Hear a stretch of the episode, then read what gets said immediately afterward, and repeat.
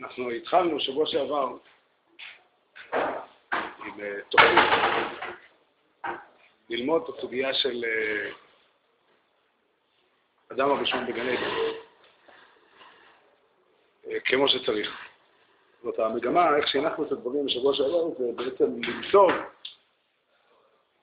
אנחנו יכולים היום, במציאות שאנחנו חיים בה, אחרי גן עדן, אחרי הקרובים ולאט אחרת לא מתהפכת, איפה, איפה מתאים את הגן עדן בעולם שלנו? אה, בעולם זה נוסח מקובל קצת, יש לזה ביטוי אפילו, גן העדן האבוד. הדבר המעניין מאוד, מאוד מאוד מעניין, שבשונה מהתפיסות הרגילות בעולם, התיאורים הרגילים בעולם על גן עדן, התיאור של גן עדן בחומש בראשית כולל גם את זה שהאדם יש לו עבודה. כך כתוב בתורה, ויחרו בגן עדן לעובדה ולשמה. זאת אומרת, האדם הוא שם בגן עדן ויש לו תפקיד. גן עדן הוא לא אה, מקום שבו אדם, אה, זאת אומרת, נאמר את זה בשפה כזאת, הציור שהתורה נותנת לגן עדן הוא לא ציור של התענגות פסיבית, אלא הוא ציור שאדם אה, יש לו תפקיד, יש לו תפקיד. ככה, ככה נראה גן עדן. זה מאוד מאוד, אה, מאוד דק ומאוד מעניין. יש בנו איזשהו, אה, כנראה שיש בבני אדם איזושהי תפיסה ש, שלא מחברת ביחד עונג עם עבודה. שקשה לחבר ביחד עונג עם עבודה. התורה מתארת את גן עדן במקום, הוא מקום של עבודה. לא אומר שעבודה אה, צריכה להיראות כמו שהיא נראית אחרי אחרי. בזה אתה צריך לתוכה לך. אבל גם בגן עדן היה לעובדה ולשומרה.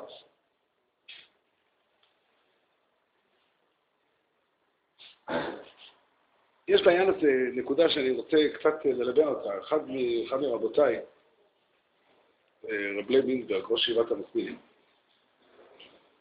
הוא לימד, הוא באופן כללי לימד אותנו אה, דבר כללי שאני משתמש בו תמיד, שאתה מוצא בתורה, אה, בכמה וכמה מקומות יש נושאים שמופיעים בתורה בשתי מקומות, ומופיעים בצורות שונות. למשל, מצוות מסוימות שמופיעות בשתי פרשות. נתנו בתורה דיני עבדים בפרשת אה, בהר ודיני עבדים בפרשת משפטים. ולפעמים קורה שיש פרט אחד שמופיע כאן, ופרט אחר שמופיע כאן, ואחר כך בהלכה צריכים, אה, הלכה מגבשת אה, איך, איך, איך הדינים נוהגים. הוא אמר, העיקרון שכתוב, חז"ל אומרים, כל פרשה שחזרה ונשנתה, לא נשנתה אלא דבר שנתחדש בה. אז כל פרשה, אם דבר חוזר עוד פעם, יש בו איזושהי תוספת חידוש. אבל הכוונה היא לא ש... למה לא לכתוב את, כל, את כל הדברים ביחד במקום אחד, עם כל החידושים? למה צריך שהדבר יופיע בשתי מקומות, בשתי צורות, ויהיה פה חידוש אחד ופה חידוש אחר? הכוונה היא שכל פרשה מציבה את הדבר באופן מסוים, בצורה, במבט מסוים. המבט המסוים יוצר את התוצאות הללו, במבט אחר יוצר תוצאות אחרות, ואחר כך צריכים לחבר את שניהם.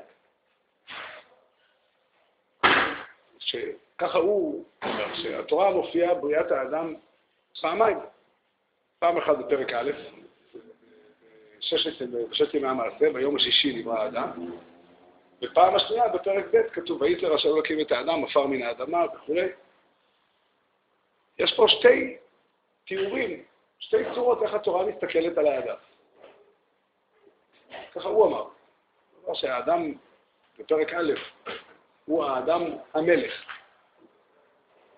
הוא האדם, שם כתוב שהאדם נברא בצלם אלוקים, ושם כתוב, הפעילות של האדם בעולם, ככה מוגדרת שם, ויברך אותם אלוקים, ויאמר להם אלוקים, תנו ורבו ומילאו את הארץ, וכבשוה ורדו בדגת הים ובעוף השמיים. אומרת, הכוונה היא לשלוט.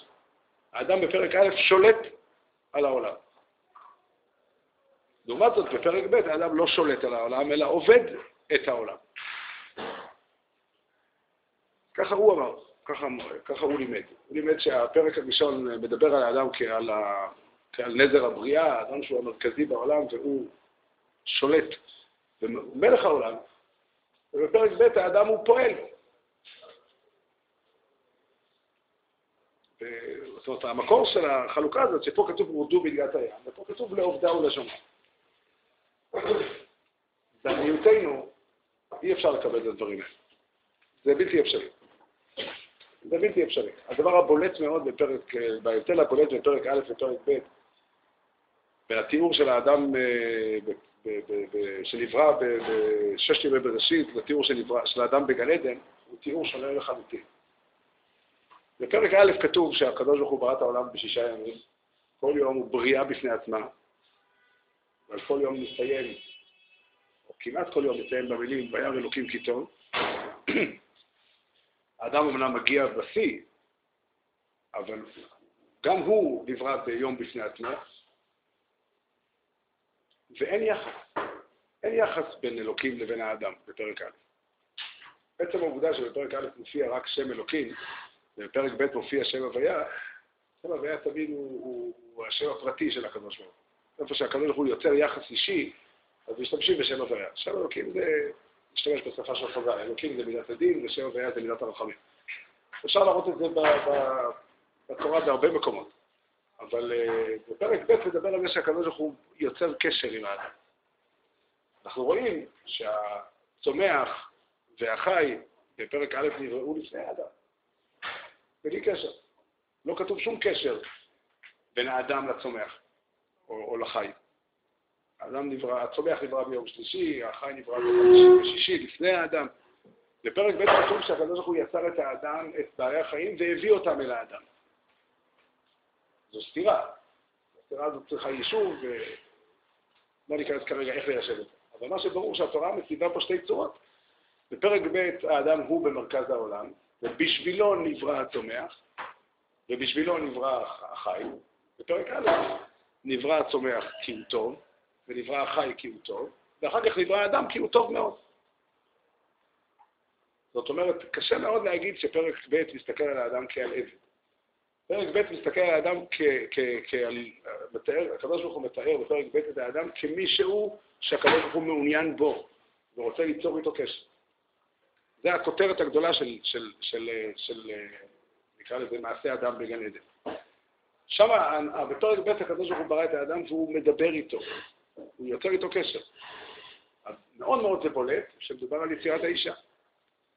בפרק א' כתוב ברוך הוא ברא כאילו המילים שהתורה משתמשת, ויברא אלוקים את האדם בצלמו, בצל אלוקים ברא אותו, זכר ונקבה ברא אותו.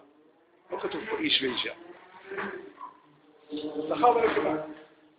זאת אומרת, אה, ברור לחלוטין שאין טעם לברוא את האדם לבד. אין, אין, אין, אין בעולם דבר כזה שנקרא אדם בודד. אדם בודד, לא יודע כמה שנים, הוא היה, כמה שנים הוא יכול לחיות, אבל, אבל הוא, הוא, העולם לא נברא בשביל אדם אחד. בלי פריה ורבייה אין, אין, אין, אין עתיד. בעצם הדבר שמשתמשים במילים זכר ונקבה מדגיש שהמקום של שניהם הוא בשביל פריה ורבייה. מיד אחר כך גם תופרו בו. בפרק ב' כתוב שהאישה נבראה, קודם כל נברא האדם הזכר, פשוט לבדו, האיש נברא לבדו, ואז כתוב לא טוב היות, ויאמר השם אלוקים לא טוב היות האדם לבדו, פירושו, זה לא נעים, לא טוב בשבילו. לא מדברים פה על אה, פריה ורבייה או על... אה, לא זה הטיעון. הטיעון של האדם לא טוב להיות לבד, וכדי לדאוג לאדם, הקדוש יצר לו את האישה. ומאוד מאוד בולט, ששם לא מדובר על זכר ונקבה, על איש ואישה. הם נבראו בשביל הקשר, וגם מודגש מאוד, אחרי שהאישה נבראה, ויאמר האדם, זאת הפעם עצם העצמי ובשר מבשרי, לזאת תיקרא אישה כי לאיש מוכח הזאת, על כן יעזוב איש את אביו ואת אמו ודבק מאשתו והיו לבשר אחד. אומרת, אם נשאל למה יש זכר ונקבה בפרק א', התשובה היא כי הטבע של הבריאה דורש את זה. למה יש איש ואישה בפרק ב'? כי יותר טוב לאדם שיש לו שם שניים. כי לא טוב להיות האדם לבדו. זאת אומרת, עלה בידינו שפרק א', הכותרת שלו זה הבריאה כמערכת כללית, שאחד מהנבראים הוא האדם. הוא החשוב שבהם, הוא המרכזי שבהם, אבל לא נכון לומר שהכל בשבילו. לא, לא זה כתוב שם. בפרק ב' הקדוש ברוך הוא מדבר עם האדם ודואג לו.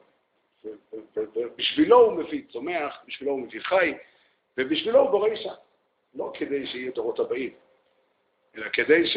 כדי שיהיה לו טוב ונעים. אם כך נשאר שאנחנו צריכים באמת לשים לב מה המשמעות של לעובדה ולשמרה. כתוב פה דבר מעניין, דבר, דבר גדול מאוד. כתוב פה שבאמת הגן עדן לא יכול להתקיים בלי עבודה. מקום שאין בו עבודה לאדם הוא לא גן עדן. כן. נכון. לא, גן עדן, כתוב במפורש שהקדוש ברוך הוא לקח את האדם אחרי החטא בשביל לעבוד את האדמה אשר הוא לקח משם. במקום שיעבוד את הגן, את הגן, יעבוד את הגן, הוא עובד היום את האדמה אשר הוא לקח משם. ושם הוא עושה את הלעובדה ולשמה. אבל אני חושב שצריך לשים לב מה, כתוב פה, צריך להתעמק בדבר הזה מאוד, ולשים, יש פה דבר, יש פה עניין של עומק. עניין של עומק שאנחנו לא, שצריכים לתת עליו את הדעת. זאת אומרת, אנחנו מבינים, הנושא של, של, של גן עדן הוא מערכת היחסים בין הקדוש ברוך הוא לאדם. זאת אומרת, הגן עדן הוא מקום שבו האדם נברא, הוא שם שם, הוא נח שם, כדי ליצור קשר, כדי שיתקיים הקשר, הדיבור בינו לבין אלוקים. זה עניינו של הגן. וזה גם עניינו של, חז"ל אמרו, דבר יפה מאוד, שחז"ל רומזים במשפט קצר של כמה מילים. מגלים עולם שלם. יש ספר שנקרא תנת ואליהו. זה מדרש חכמים. הספר הזה פותח בדרשה הזו, ויגרש אלוקים את האדם, שנתן לו גט כריתות כאישה.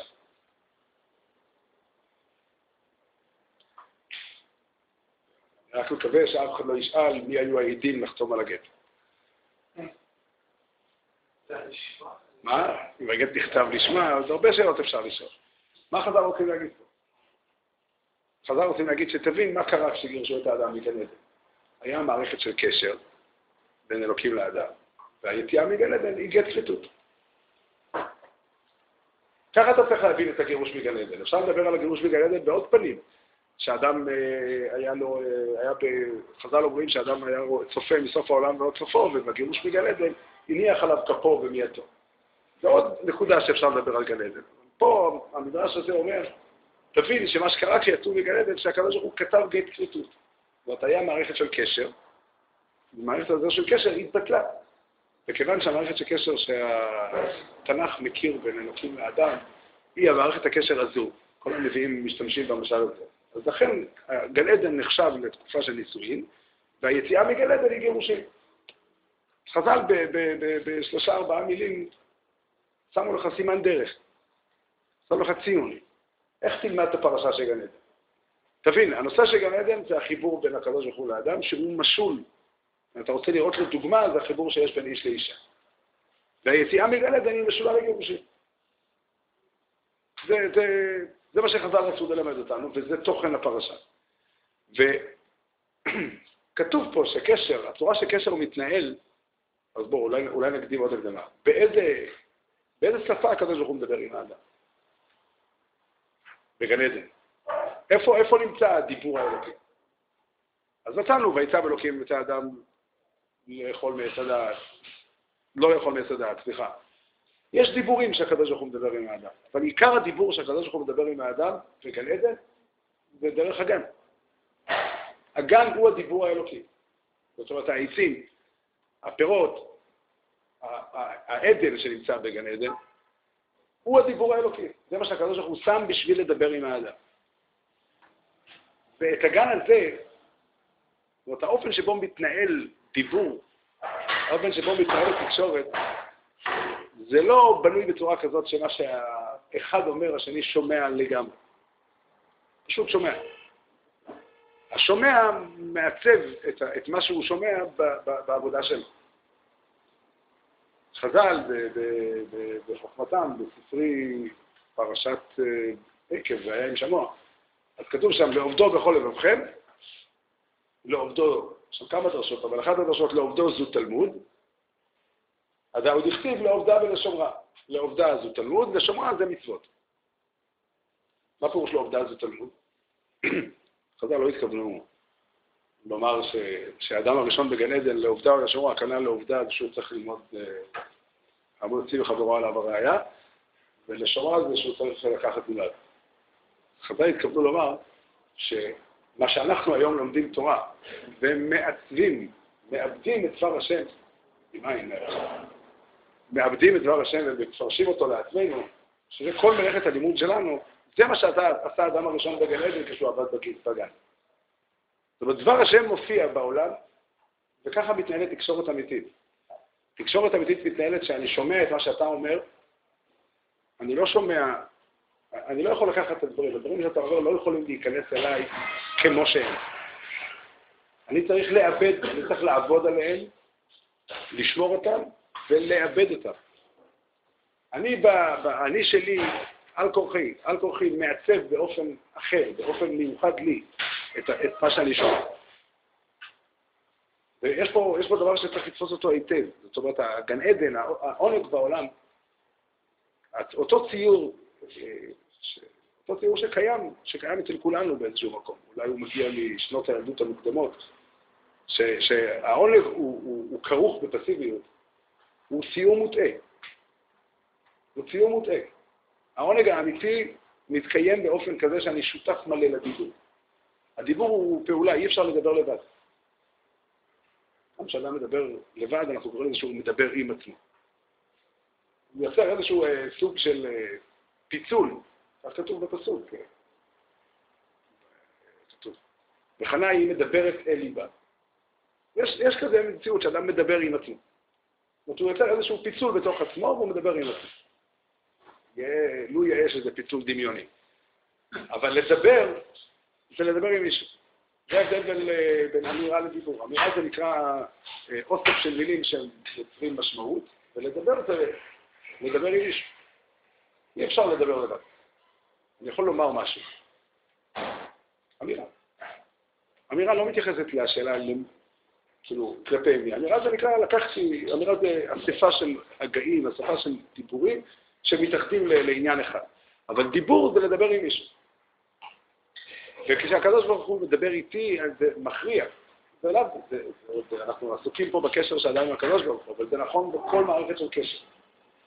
בכל מערכת של קשר, כשבני אדם מדברים אלו עם אלו, כשאדם מדבר זה עם זה, אז השומע מכניס לתוך אוזנו, זאת אומרת, קולט את הדברים בכלים שלו, והוא מאבד את הדברים שהוא שומע באופן שהוא שומע אותם, באופן האישי שלו, המיוחד שלו. זה אחד, ה, אחד השורשים לטרגדיה האנושית. זאת אומרת, בני אדם תמיד אה, כועסים על זה ומתרכזים וחשים מצוקה מזה שהם מרגישים שהשני לא מבין אותם לגמרי. שהוא הוסיף תמיד, כשאני אומר למישהו משהו, הוא תמיד מוסיף משהו משלו. אין, אין, אין. שמעתי פעם, בילדותי שמעתי, שרב אהרון לקח את הרב שך לישיבת היה בן דוד שלו. להיות, אה, להיות חולדר. זאת אומרת שהוא ישמע את השיעור, וכיוון שרבן היה אומר שיעורים ארוכים ומורכבים, שאחרי השיעור יסביר לבחורים מה היה בשיעור. שבוע אחר כך, אחרי שהוא התחיל את העבודה, רבן פיקר אותו. אמר לו, זוק תשמיילה וזוק דיילה. אתה לא אומר את שלי, אתה אומר את שלך. זה לא השיעור שלי. הוא אמר, קניתי אותו בשבילי מיינסר. עשיתי... הוא פיטר אותו והכניס מישהו אחר לעבודה. אבל, אה, אבל, אבל זה באמת ככה, באמת, העובדה ש, ש, שבני אדם הם שונים זה מזה. כל אדם יש לו מקום בפני עצמו. כל אדם הוא מציאות בפני עצמה. וכשהקדוש ברוך הוא מדבר עם בני אדם, יש איזשהו מימד. זה נקרא תורה שבעל. תורה שבעל פה היא תורה בפני עצמה. היא תורה מיוחדת. תורה בפני עצמה. היא תורה שהיא האופן איך שבני אדם מבינים את דבר הזה.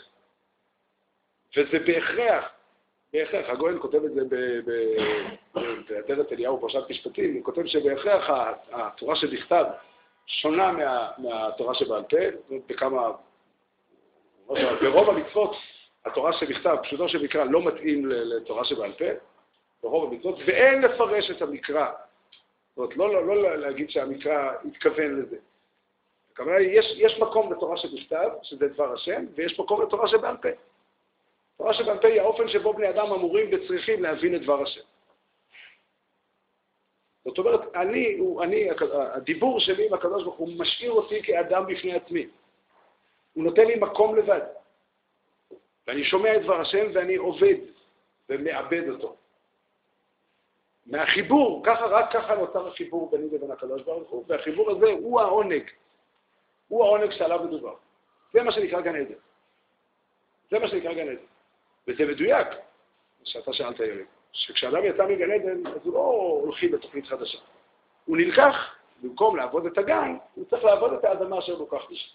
זה הרבה יותר קשה והרבה יותר מורכב והרבה יותר מסובך, אבל זו אותה מגמה. זאת אומרת, לעולם, לעולם, אין נושא אחר. כמו שדיברנו באמת שבוע שעבר, אין, לא ייתכן נושא אחר. הקדוש ברוך הוא ברא את העולם בשביל המטרה הזאת. הוא ברא את העולם בשביל לדבר עם, עם בני אדם. זה, זה תכלית הבריאה. יש לזה הרבה ניסוחים שאפשר להגיד אותם. אבל זה התוכן, זה התוכן של הבריאה. והדיבור הזה מתנהל בצורה הזאת. שוב, אנחנו מדברים על הכלל הגדול, ההבדל בין גן עדן לעולם שלנו הוא מספיק בולט. אבל הכלל, מה שמשותף ביניהם, מה שדומה ושווה ביניהם, זה שיש דיבור בין הקדוש ברוך הוא לאדם, והדיבור הזה מתנהל באופן כזה שהדבר השם נמצא בעולם, אם בתורה ואם בטבע, ואדם צריך תמיד לעבד. כולם מכירים את הדו-שיח שהמדרש מביא, הוויכוח שהמדרש מביא בפרשת אה, תזריע, בין טורנוס רופוס לרבי עקיבא. שאל טורנוס רופוס את רבי עקיבא, מעשי מי נאים יותר, מעשי הקדוש ברוך הוא או מעשי האדם? הוא ציפה שרבי עקיבא כ... כאיש דתי יגיד ודאי שמעשי הקדוש ברוך הוא יותר נאים. אני לא יודע אם רבי עקיבא ענה את מה שענה בגלל שהוא ידע לאן הוא חותר, או סתם כי זו התשובה הנכונה. הוא אמר לו, מעשה אדם נעים יותר. מה הראיה? הוא אומר, תיקח שיבולת של חיטה, כמו שהיא גדלה בצדרת, ותיקח לחמניה טובה, אתה לא מקמח מלא. לחמניה כמו שצריך, ותגיד לי מה יותר טוב. טורנוסופוס רצה לשאול אותו, למה אתם לוקחים את האדם כמו שהוא נברא וממלאים אותו, משנים את צורתו? אמר לו רבי עקיבא עוד לפני שהוא שמע את השאלה. לא, אתה לא, לא הבנת. באמת, הקדוש ברוך הוא ברא את העולם בצורה כזאת כדי שבן אדם ישפר אותו. דבר השם מופיע בעולם והוא דורש את התיקון שלנו. הוא דורש את העיבוד שלנו. והחיבור הזה בין דבר השם לבין, לבין, לבין העבודה שלי הוא מקור העונג בעולם. הוא מקור העונג בעולם. ושוב, אני חושב שאולי כדאי כן לייחד לזה קצת זמן. זה באמת לא רק, אנחנו מדברים פה על הקשר בין הקדוש ברוך הוא לאדם כי הוא שורש להכל, אבל באמת זה נכון בכל מערכת של קשר. כל מערכת של קשר בנויה בעיקרון הזה, ואי ההבנה של הדבר הזה הוא שורש להרבה, להרבה מאוד כאבי לב. הרבה מאוד כאבי לב. יש לאדם איזושהי ציפייה, יש לאדם איזושהי ציפייה שמישהו קשור אליי ומחובר אליי, יתאים את עצמו אליי לגמרי. שיהיה לגמרי לגמרי זמין. לגמרי לגמרי אצלי. לפי ענייני, לפי דרכי. זו ציפייה קיימת. וכל פעם אנחנו מחדש מתאכזבים מה, מהעובדה שהזולת אף פעם, אף פעם, אף פעם, אף פעם לא לגמרי נמצא, לא לגמרי נמצא איתי. תודה רבה.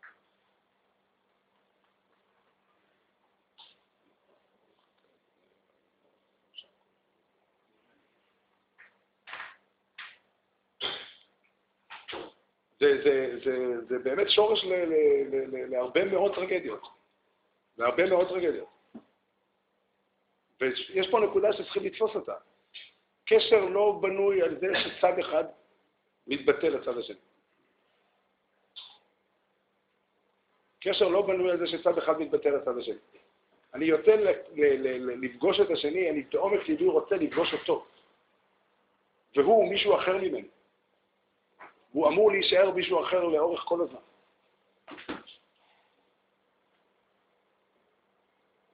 הוא אמור ל... ל זאת אומרת, כשאדם עובד בעולם, באמת ניתנה לו האפשרות, ניתנה לו הזכות, ניתנה לו היכולת לסדר את העולם בסדר אחר מהסדר שהקדוש ברוך הוא סידר.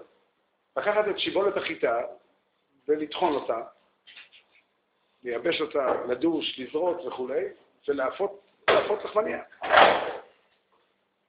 אין ספק שהלחמנייה היא נראית אחרת לגמרי מהגרעיני חיטה שנמצאים, מה, מהשיבולת חיטה או גם מהגרעינים שנמצאים בטבע.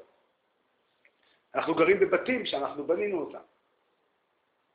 ואנחנו גם לומדים את התורה שאנחנו מפרשים אותה ומבינים אותה.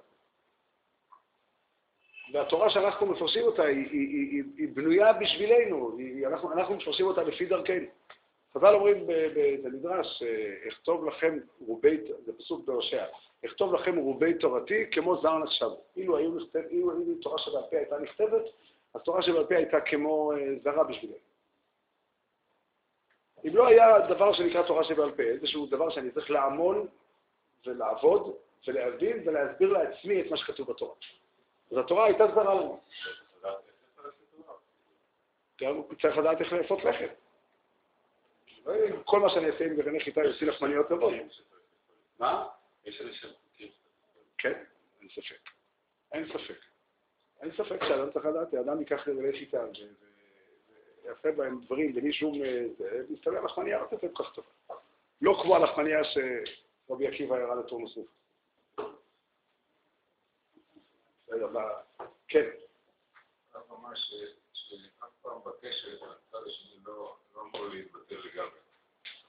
הצד השני, שאני יודע, המטרה של העולם זה השם, שאז באמת בקשר שיהיה, הצד השני מתבטא לגמרי. אתה מדבר על עולם הבא או עולם שלנו? על העולם הסופי. העולם הבא, אני לא לגמרי יודע מה יש. הפסוק אומר, עין לא ראתה, חז"ל דורשים את זה, עין לא ראתה אלוקים גדולותיך יצא למחקים. אבל אם אתה מדבר על העולם הזה... לא, לא, לא, לא, לא, אני לא בטוח. אני לא בטוח שמדובר על, על, על ביטול גמור. אבל בואו, חבל לדבר על העולם הבא שאנחנו לא יודעים. בעולם הזה אין דבר כזה. בעולם הזה אין דבר כזה. אין דבר כזה. חז"ל ביטאו את זה בכל דרך אפשרית, בכמה וכמה צורות. חז"ל דיברו על הסיפור המפורסם שמספרים על הוויכוח של רבי אליעזר הגדול. שיצאה בת קול ואמרה, טהור, מה לכם את רבי אליעזר שהלכה כפותו בכל מקום? והם אומרים לו, תורה לא בשמיים. איך מכיר את הגמרא במציע דף נ"ט? כן. לא, הגמרא שם אומרת שרב אליעזר הגדול התווכח איתם, והוא אמר, אה, הוא טהור, והם אמרו טמא. הוא הביא, אה, בהתחלה הוא הביא ראיות וכולי, עד שבסוף הוא נזקק להביא ראיה מבת קול. יצאה בת קול ואמרה, מה לכם אצל רבי אליעזר שהלכה כמותו בכל מקום? ועל זה קם רבי יהושע ברגליו ואמר, אין משגיחים בבת קול. מה, מה, מה כתוב פה? מה כתוב פה? אני חושב שמעבר לסיפור המופלא הזאת, כתוב פה, כתוב פה דבר, כתוב פה שהקדוש ברוך הוא נתן תורה כדי שבני אדם ילמדו אותה. ובני אדם יש להם דרך מסוימת, איך הם יכולים ללמוד. ואחד הדרכים, אחד מהעקרונות של הדרך הזו, זה שיש חכמים בבית המדרש והולכים אחרי הרוב. ש? כן. שים לב, שהקדוש ברוך הוא צריך לחייך ואומר, שוב, שים לב לדבר הזה. זאת אומרת, מי שחושב שהשני מצפה ממנו להתבטל לגמרי, הוא טועה. הקדוש ברוך הוא רצה שחכמי ישראל, חכמי ישראל היו יכולים להגיד, רגע, יצאה בת קול ואמרה, מה אנחנו יכולים להגיד? זהו, נגמר, עד כאן. אבל הקדוש ברוך הוא אומר, אני רוצה שתעמדו מול. אני שמח בזה שעמדתם, הבנתם נכון את המקום שלכם, שאין לכם את הרשות, אין לכם את המקום לבטל את עצמכם. לא הסיפור עם רבי אליעזר, הסיפור עם הבת קול. הסיפור עם הבת קול. שהם אומרים, בת קול אתה, אין משגיחים בבת קול. אנחנו סבורים אחרת. אמר את זה במילים אה, יותר חריפות. אתה, הקדוש ברוך הוא אומר, בת קול אומרת טהור, ואנחנו סבורים טמא.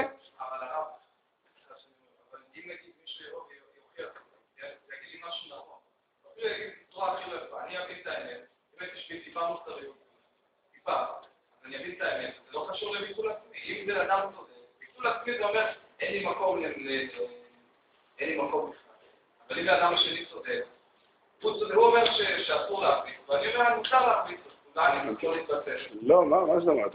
השאלה שם, הוויכוח שם היה אם טהור או טמא. וחכמים סבורים שטמא. זה הדעת שלהם אומרת. ובת קול אומרת שטהור. אז מה אני צריך להגיד? שהם אומרים, למרות שהקדוש ברוך הוא אומר שבת קול אומרת טהור, אנחנו חושבים אחרת.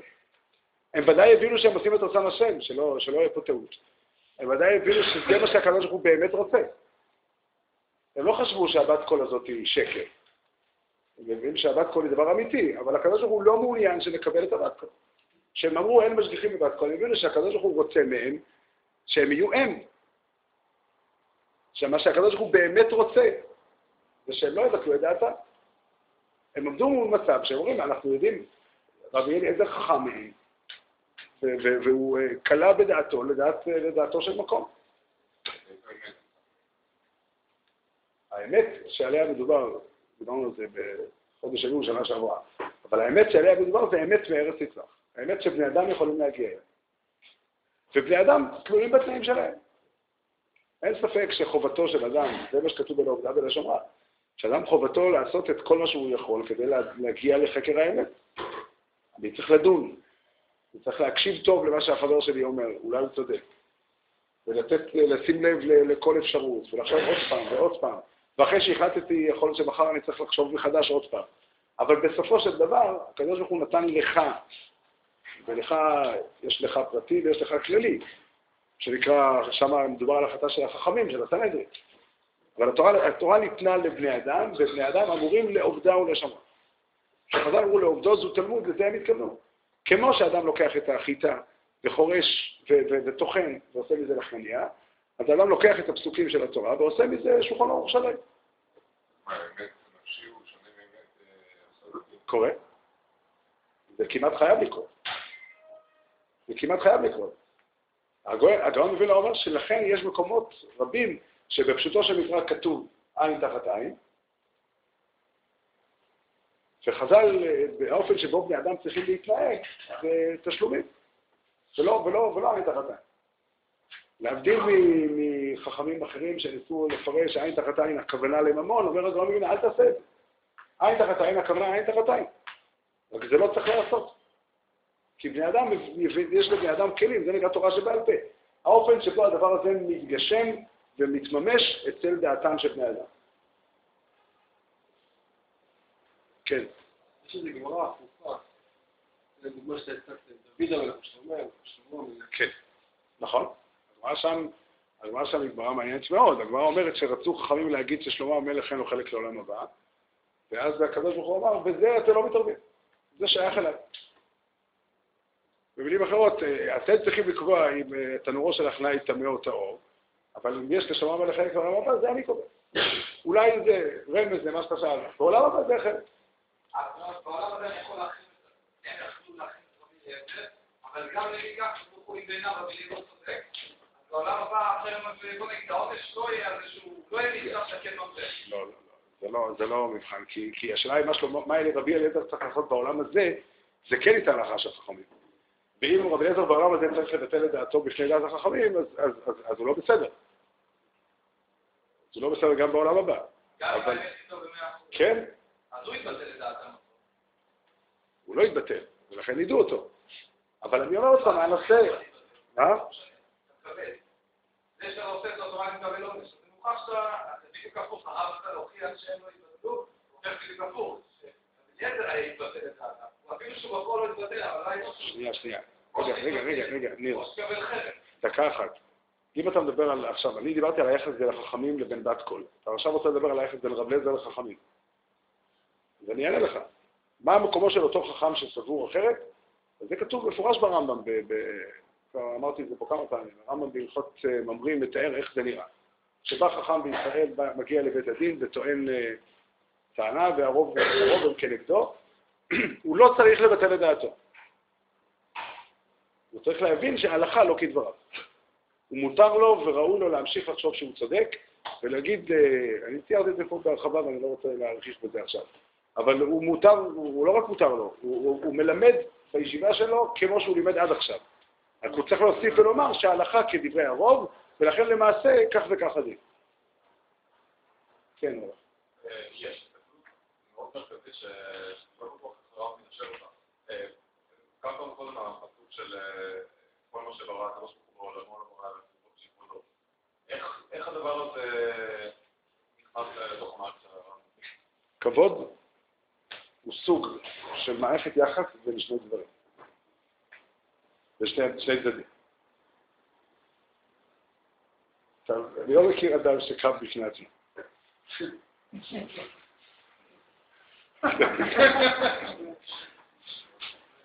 זה בטווח אפילו פיזי. כבוד, הפוך בדיוק. הגמרא במסכת סוכה אומרת את זה, מתארת את זה ככה. הגמרא במסכת סוכה מתארת שמעולם לא ירדה שכינה למטה מהעשרה, ומעולם לא עלו אה, משה ואליהו למרום. זאת אומרת, יש פער בלתי ניתן לגישור בין מה שנקרא שכינה למה שנקרא בני אדם. אף פעם, לא בתחיית המתים, ולא, ב, ולא במתן תורה, ולא אליהו הנביא, אין דבר כזה שהמחיקה הזו של עשרה טפחים אה, אה, נפגמת.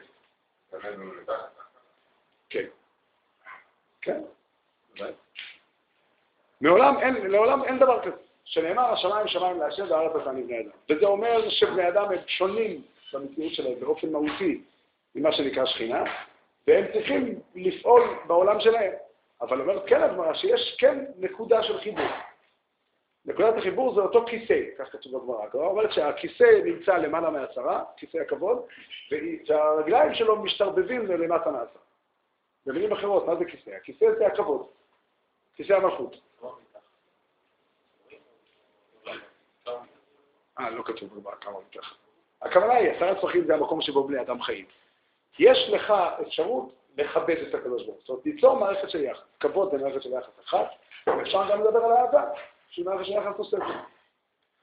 אבל הכבוד קיים בגלל שיש איזשהו מרחק, הכבוד הוא דיסטנס.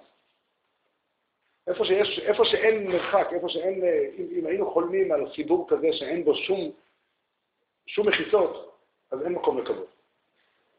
באמת. זאת אומרת שחז"ל אמרו אה, בעניין אחר לגמרי, חז"ל אמרו, אה, אוהבה כגופו ומכבדה יותר מגופו, הם דקדקו לומר, דקדקו לומר שהכבוד הוא יותר מאהבה. וזה סוד נפלא. לא, לא יודע אם כולם צריכים לשמוע את זה, יש אולי כאלה שצריכים לשמוע את הצד השני, אבל, אבל, אבל חז"ל אמרו, זו האמת לאמיתה. חז"ל אמרו שאוהבה כגופו, אבל מכבדה יותר מגופו. זאת אומרת, חשוב מאוד שהאהבה אף פעם לא יכולה לבטל את, את הכבוד. אהבה אף לא יכולה, התחושה הזאת שאנחנו לגמרי ביחד והכל בסדר, מה שנקרא, היא, היא שקר. יש, יש, יש מקרה שבן אדם, אה, יש שתי נוסחאות לשקר הזה. יש נוסחה אחת שאדם אומר אני מבטל את עצמי, ויש נוסחה שאדם אומר אני מבטל את הזולת. אפשר לדון איזה עבירה יותר חמורה. לי נראה שלבטל את הזולת זה, זה שייך לאביזריות בשפיכות דמים, ולבטל את עצמו זה אביזריות זה גילוי הרעב. אבל לא נרחיב את זה יותר. כבוד פירושו, תבין, תבין, הזולת הוא זולת. הזולת הוא זולת, והוא מציאות בפני עצמה. אורן, כדאי, הדברים שלי לא בטוח שהם נכונים, אבל תן להם סיכוי. תן להם סיכוי. לא לבטל, לא לבטל לא את עצמי ולא את הזולת. פירושו, יש מקום בעולם, יש מקום בעולם ליותר מדרך אחת. והחיבור בין השניים הוא, הוא נקודת העונג. החיבור בין השניים הוא נקודת העונג, כן.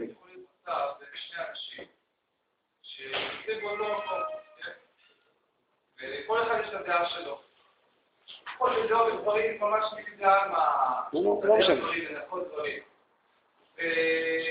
וכתוצאה מזה נוצר איזה פאנצ'ר. פאנצ'ר הוא פאנצ'ר. עכשיו, אם, אם כל אחד לא יבטל את דעתו, פאנצ'ר יגדל, יגדל, והתקר, ואז כשהגלגל ישתלב קצת, אני לא, לא, אני לא מתכוון לומר שאם שתי אנשים נמצאים על סירה ואחד רוצה לחתור מערבה ואחד רוצה לחתור מזרחה, אז הם יעשו את זה, מה שנקרא. זה יחתור לכיוון הזה וזה יחתור לכיוון הזה ואחר כך תסתובב. לא, לא לזה הכוונה. הכוונה היא, תבין שהאמת לאמיתה מורכבת משנינו. האמת, האמת השלמה, הדבר השלם מורכב מדבר השם ומהעבודה של בני אדם. רבי עקיבא הוא זה ש, שאמר את השם, את לרבות, את השם לוקח עתירה, את לרבות תלמידי חכמים. זאת אומרת שהשכינה, הקדושה נמצאת בתורה, והקדושה נמצאת אצל תלמידי חכמים, בדעת האנושית. כי רק מהזיווג, מהחיבור של שניהם, נוצר התורה למעשה. רק מהחיבור של שניהם. איך אנחנו נוציא, ניר, זה חשוב להגיד, ודאי שצריך הרבה לחשוב איך, איך מתנהגים למעשה. אם אני ואשתי דנים בשאלה איפה נהיה בשבת, אז פתרון הוא לא שאני אהיה פה והיא תהיה שם. זה לא הפתרון הנכון. אבל, אבל תבין שאני בא לייצג... מה? אני אומר שצריך להבין, אנחנו מדברים עכשיו על נקודת המוצא. נקודת המוצא היא זו שאנחנו שני אנשים. אנחנו שני אנשים. והחיבור מתנהל, זה, זה בעיניי אה, חידוש עצום, זה מהפכה ממש. זה שבגן עדן אדם עומד, הולך בגן עדן לעובדה ולשומרה. אני אחד ה...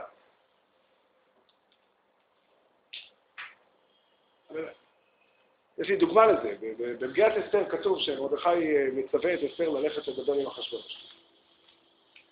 והיא לא רוצה. היא לא רוצה או מהססת, והוא נוזף בה מאוד קשה. בסדר, היא קיבלה על עצמה. מאותו רגע והלאה אסתר פועלת בדרכים שלה, היא לא מתייעצת עם מרדכי. והפוך, ויעש מרדכי ככל אשר ציוותה עליו אסתר. אז מי קובע?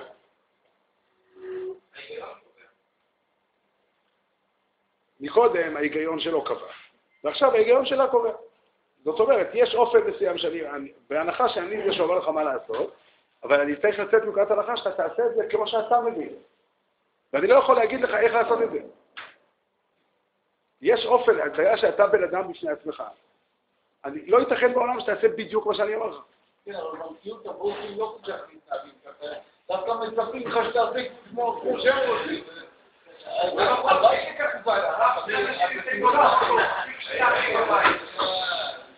הרב, למשל, לא באמת, מה שאומר תפילת לא, למשל, אני טוב, אני הרבה פעמים, אני מתנקה הכי לא תמיד מודע לזה.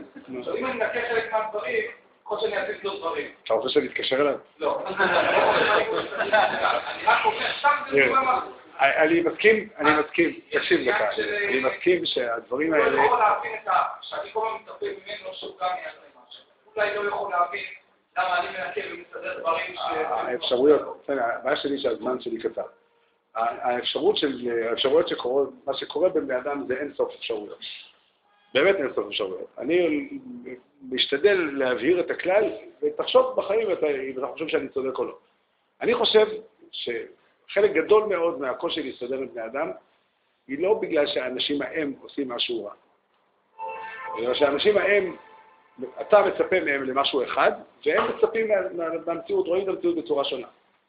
אם תצא מנקודת הנחה שהאמת יוצאת מבין שניכם, אותו אדם שחושב אחרת, הוא לא בא, הוא לא קם בבוקר ואמר, היום אני אשחית את העולם.